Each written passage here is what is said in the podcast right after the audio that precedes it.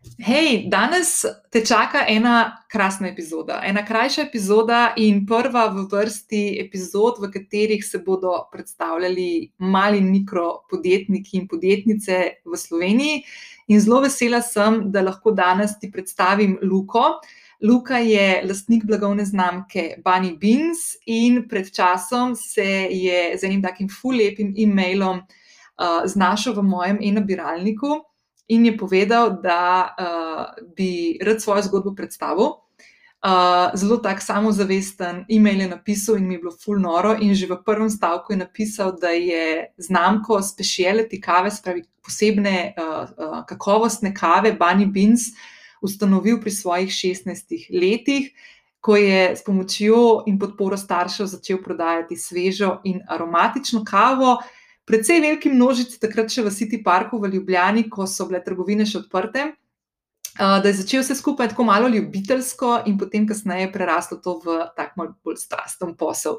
Zdaj, Luka je drugače tudi študent na pravni fakulteti v Ljubljani, tako da usklajuje svojo podjetniško pot tudi s študentsko. Uh, in v letošnjem letu je naredil en tak velik, velik korak naprej uh, na svoji podjetniški poti, ko je tudi um, naredil eno tako večjo investicijo in sicer je kupil uh, aparat za praženje kave, tako da tisto zadnjo, uh, zadnji korak, preden kava sveža in dišeča in sveže zmleta in popražena pride do končnega kupca, naprimer tebe. Uh, je, je v rokah in pod nadzorom Luke.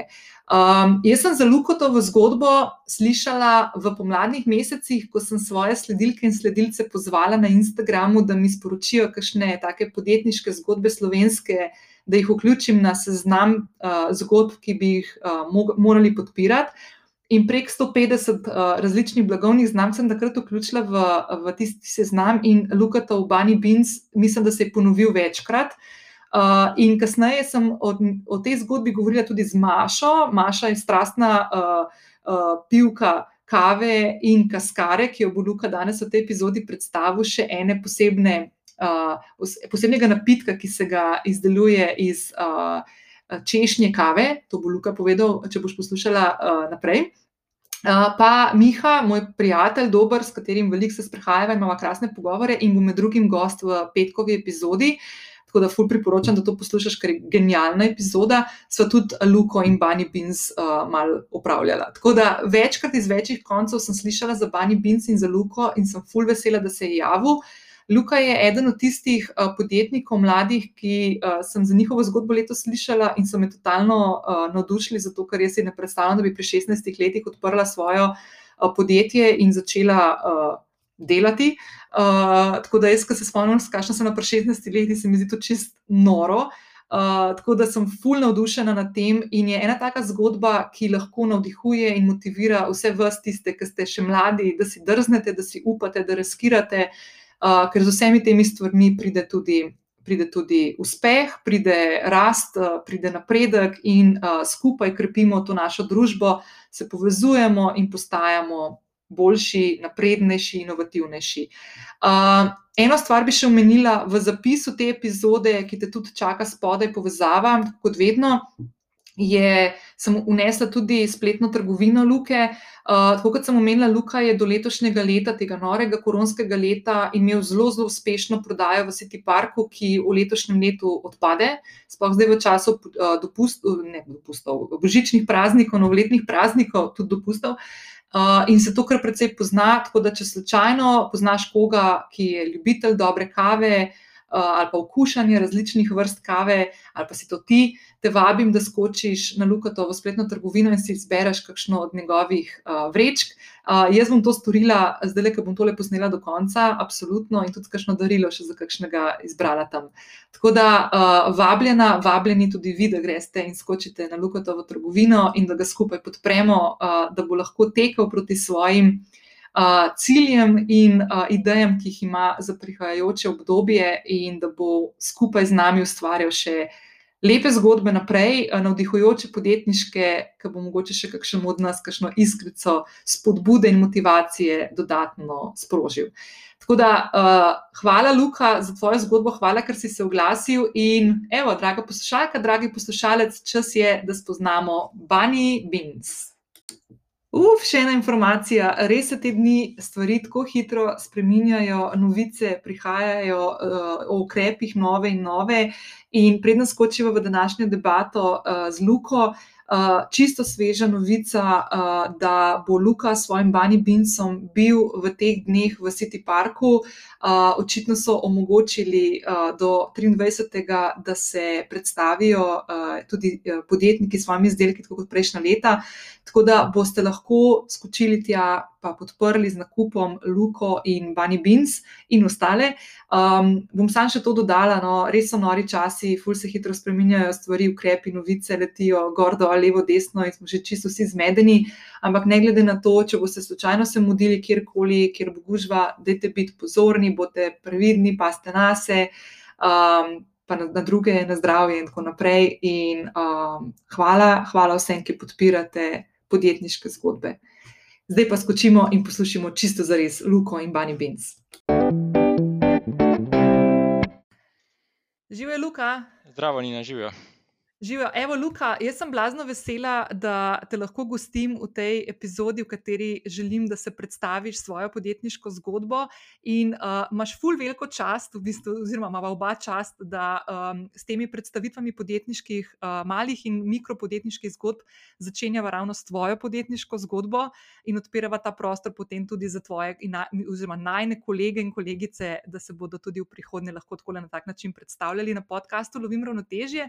Tako da jaz bi mogoče začela čisto na začetku. Um, ti si mi poslal en fulip mail, v katerem si se predstavil, pa bi te ful prosila, če se lahko za poslušalke in poslušalce tega podcasta še enkrat predstaviš. Uh, ja, se pravi, uh, sem Luka Banovič in v bistvu se predstavljam malo širši množici pod uh, imenom uh, znamke Bunny Beans. Uh, zdaj, mogoče najprej malo povem, zakaj Bunny Beans, pa kako je to nastalo. Se pravi, uh, mene vsi prijatelji kličejo Bunny. Uh, to ne vem zakaj, ampak tako se je nekako so se navadili. In ko sem potem začel se ukvarjati um, malo pri 15 letih s kavo, um, so to postali moji binsi, se pravi, moji kavni binsi in nekako ideja je prišla iz tega, da potem so to od Banja binsi, se pravi, Bunny Beans.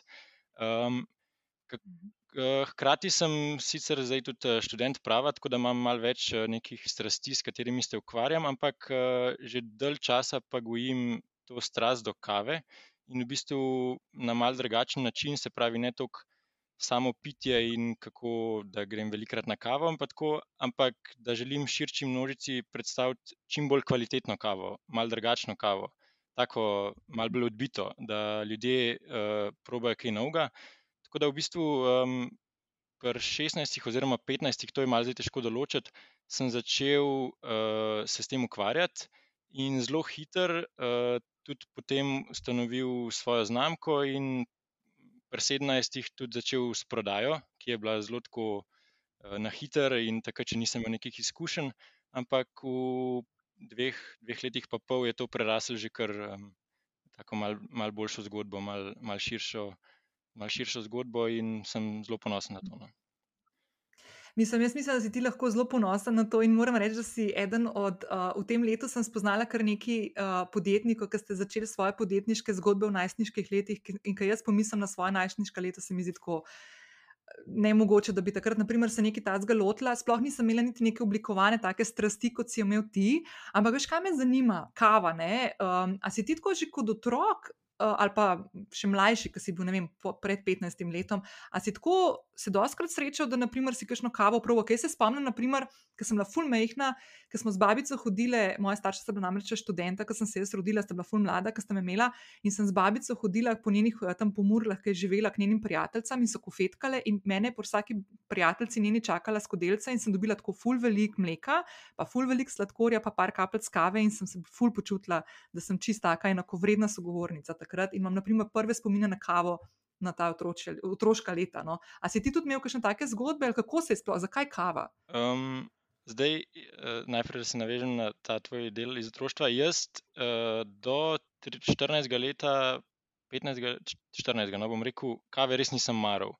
Uh, blazno mi je dišala, ko je nekdo odprl vrečko kave, kakšne take sveže, dobre, mi je blazno dišal, ampak ko se je pa kava pripravila, me pa ni več mikala. Tako da v bistvu je se ta preskok enkrat zgodil, malo me je mogoče celo bratranc na tem navdušil, ker je on bil že predtem ljubitelj zelo kave, te take malo boljše. Potem sem pa počasi, počasi začel piti in nekako sem se jo navadil, ampak nikoli mi ni bila uh, tako všeč, uh, da bi jo pil vsak dan, ne vem, po kakav, ampak mi je postala všeč takrat, ko sem spoznal, kaj v bistvu kava lahko pomeni. Ne, ne samo to, da spiješ jo z mlekom, ampak da lahko in greš vsak dan na kavo, ampak da lahko vsakič probaš drugačno in začutiš različne okuse. Um, tako da, ja, nekako nekak na začetku moram reči, da nisem bil navdušen. No. Vse ta kultura kave in predvsem kave, ki jo piješ brez mleka, ne? kave, ki jo okušaš kot same kave in v različnih načinih priprave, ali gre to zdaj za uh, cold bruje ali kakšne drugačne oblike, se mi zdi, da tudi zdaj pri nas smo začeli te, kako se temu reče, speciality kava, Tako, ne? da smo jo začeli ja. ful ja, da smo jo začeli kar nekaj okušati. Ampak, dej, če tako pogledamo, zdaj, naprimer, po čem se tvoja kava, spravbani bins kava, raz, po čem je tako, mislim, kaj je tisto, kar jo dela mogoče ali drugačno, različno, ali pa predvsem posebno v primerjavi s kakšnimi drugimi kavami, ki jih mogoče poznamo na trgu. Um, ja, jaz bi uh, tukaj mogoče rekel, da je treba um, Bunny Beans vzeti v kontekstu, se pravi, tudi s kakšnimi drugimi um, podjetji, ki v bistvu ponujajo tudi zelo kvalitetno kavo, ker je potem lažje razlikovati med temi kavami. Se pravi, um, mi se, oziroma jaz uh, se ukvarjam s to speciality kavo. To je v bistvu kava visokega kakovostnega razreda, tako če bi mal prevedel uh, iz angleščine. Um, to pomeni, da v bistvu že pridelovalci skrbijo, da bo kava čim kakovostnejša. To pomeni, da ne uporabljajo pesticidov, da se trudijo, da čim uh, več dela upravijo ročno, da ni um, nekih nasadov kave, ampak da, sa, da sama kava raste čim bolj naravno v sožitju z gozdom, z nekimi drugimi rastlinami, ki so še tam prisotne. Potem se to uh, gre v bistvu na raven transporta, kjer se poskrbi, da je kava pravilno shranjena, da se ne uničuje, da ni dolgo na poti. In najpomembnejši del je potem pri teh ljudeh, ki jo pol sprejmejo, uh, shranjujejo in pražijo. Um, tukaj potem mora biti kava čim bolj sveža, um, da se praži ne preveč, da ne pušča tega grenkega okusa. Tako da jaz bi v bistvu rekel, da je ta speciality kava je en tak proces, ki ga je treba zgraditi že z pridelovalcem, potem nekdo, nekom, ki poskrbi za transport.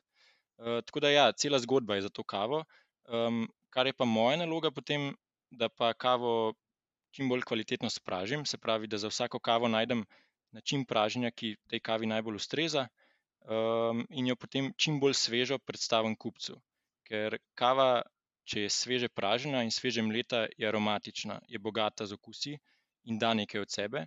Um, kava, ki je pa stara, oziroma ne tako sveža, pa v bistvu pušča ta grenek priokus, oziroma nekako se vse kave poenotijo, vse so enake. Uh, in to večinoma ljudi tudi odvrača od pite kave, bom rekel. No? Uh, ker so mhm. jim vse enake, vse grenke, vse take močne, izrazite. Vse to je kavna industrija, no, če tako temu rečemo, oziroma trg kave. Ne. Globalni trg kave je bil kar precej pod udarom v zadnjih letih, ravno zaradi tega, kar si ti omenil, ker se ni spoštovalo tega, bova rekla, mogoče tega trajnostnega načina, oziroma mogoče tudi tega sledljivosti, um, kako odkje pride kava, kako jo pridelujejo, da se tukaj tudi spodbuja neko lokalno prebivalstvo, ki jo. Uh, ki jo uh, kako bi rekla, proizvaja oziroma skrbi za te nasade svoje in tako naprej. In se mi zdi, da tukaj je prihajalo do precejšnjih takih mal zlorab tega celotnega postopka in se mi zdi, da te speciality kave, ki je tudi tvoja, da imajo tako res fulmočen poudarek na tem, da da spodbujajo in lokalno prebivalstvo, kot si ti rekel, pač vse te faktorje, ki so udeleženi k temu, da na koncu ti, ko jo spražiš ne, in daš v te vrečkice, in potem, ko pride do kupca, na končnega, da dejansko v najboljši formi, če lahko tako rečem. Sem zdaj tako prav razumela, uh, pa sem te malo povzela. Uh, ja, v bistvu m, to je zelo podobno kot zelenjavo ali pa sadjem. Uh, čim bolj je vsak na svoji poti poskrbel, da bo čim bolj kvalitetno končni izdelek je potem se pravi, podvržen tem dejanjem prej. Bi pa rekel, tle mogoče še, da ja, speciality, tudi kot neko združenje speciality na svetu, se tudi zauzema za to, da je plačilo tem, ki um, kavo pobirajo, pridelujejo čim boljše. Ker tako, če sem podatek, ki je tako zelo, zelo grozljiv, no, ampak um, ljudje, ki obdelujejo kave, prejmejo poprečno okrog 15 centov na kilogram kave. Zdaj pa, um, kakšne so potem to plačila, no, je res grozno, ampak ta speciality pa skrbi, da, so, da postavlja neke minimume odkupnih cen. Uh, in Mhm. tako, no, tako da to se mi zdi tudi zelo pomemben vidik tega. Mhm. Ful dobro. Pa zdaj eno stvar si ti že omenil, uh, ki si je tudi meni, ko si mi poslal tisto e-sporočilo, je, da si v letošnjem letu naredil tudi eno precej veliko investicijo in sicer, da si uh, kupil sam, uh, a se zdaj to reče aparat ali kakorkoli uh, za praženje, se pravi, da to tudi zdaj ti sam delaš in nadzoruješ ta zadnji korak, preden kava pride do kupca. Uh, kako, kako to zgleda, kako si se za to odločil in kaj to pomeni v letošnjem letu? To si imel kar, kar pogumno. Uh, ja, uh, uh, se pravi, zadnje dve leti uh, sem enega prijatelja, ki je v bistvu se s tem že malo več časa ukvarjal in mi je tukaj šel zelo na roko in poskrbel za to, da uh, je po mojem naročilu um, določene kave, ki sem si jih izbral, spražil. Um, letos sem pa že, v, že pred korono, v bistvu. No, uh, januar, februar sem se začel pogovarjati z dobaviteljem za uh, pražilc, za pražilc kave. In to se je v bistvu potem realiziralo v tistem času med korono. Bil je plan, da se vse skupaj izvede že maja, aprila, ampak zaradi vseh stvari, ki se, so se letos zgodile, se je potem to mal prestavil. Uh, tako da ja, v septembru sem prejel pražilc. Uh, v bistvu je to tako za. za Tako mlado podjetje, oziroma tako mlado znamko, je bila kar investicija, oziroma kar en tak preskok v bistvu um, pri načinu dela. Uh, in, ampak v, v prvih mesecih se je odnesel super, tako da sem super vesel, da, se, je- da sem to kljub koroni izvedel. Um, tako da, ja, no, sem, je kar ena sprememba v, v delovanju in tudi v delovanju podjetja, organizacij, tako da prenesel je veliko dobrih stvari. No.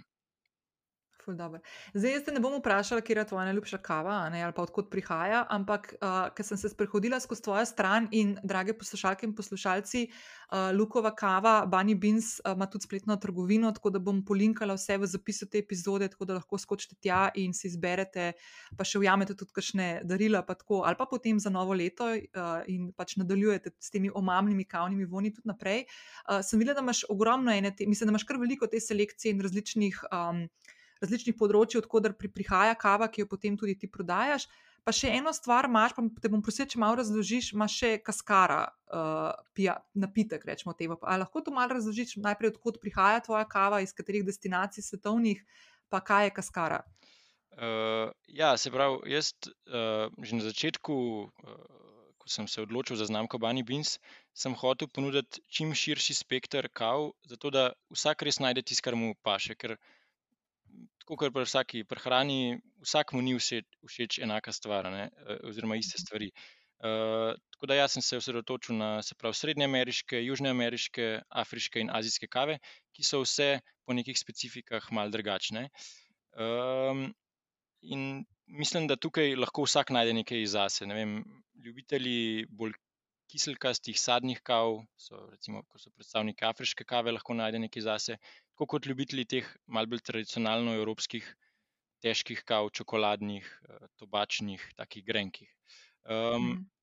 Zdaj pa, ja, kot si že omenila, kaskara. To je pa ena taka nova stvar v bistvu v Sloveniji, ki pa je mene zelo navdušila, eh, ko sem jo prvič probal.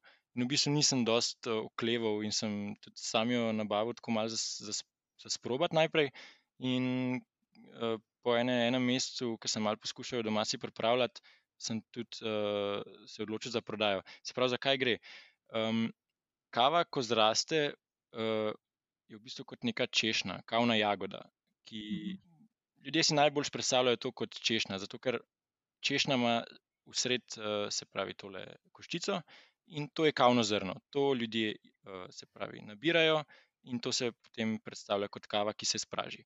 Ta zunanji del češnje pa se v bistvu do pred nekaj leti sploh ni uporabljal. To se je zavrglo, dal se je v kompot za naslednje leto gnojilo in um, nekateri izvirni predelovalci so to začeli prodajati, ker je zelo okusno, ker je tako kot češnja. Uh, in uh, sami to, se pravi, posušijo te um, olupke češnje, ali kako bi rekel. Uh, in to potem v bistvu pride kot se lahko uporablja za napitke. No. Lahko se ali namaka kot cold brew, se pravi, da se čez noč pusti v mrzli vodi, ali pa kot čaj. To je v Sloveniji veliko bolj popularno. No. Ljudje smo v Sloveniji zelo, zelo navezani na čaj in v, v bistvu pušča nek tak.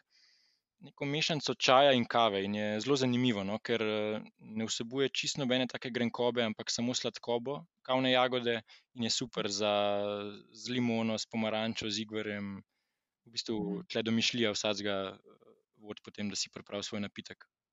Se pravi, ti si narediš osnovo in potem dodajaš uh, tiste stvari, ali pa ekstrakte, ali pa kakšne začimbe, sadje, kot pač kaj, kar, kar je tisto, kar je tebi najljubše, in si nekako narediš tako edinstven napitek, ki je samo tvoj. Naprimer. Eh, ja, um, se pravi, namočiš te kavne jagode v vročo ali mrzlo vodo, zdaj, če v mrzlo pustiš čez noč, v vročo nekaj minut, in potem mhm ja, vsak si dodaja tisto, kar hoče.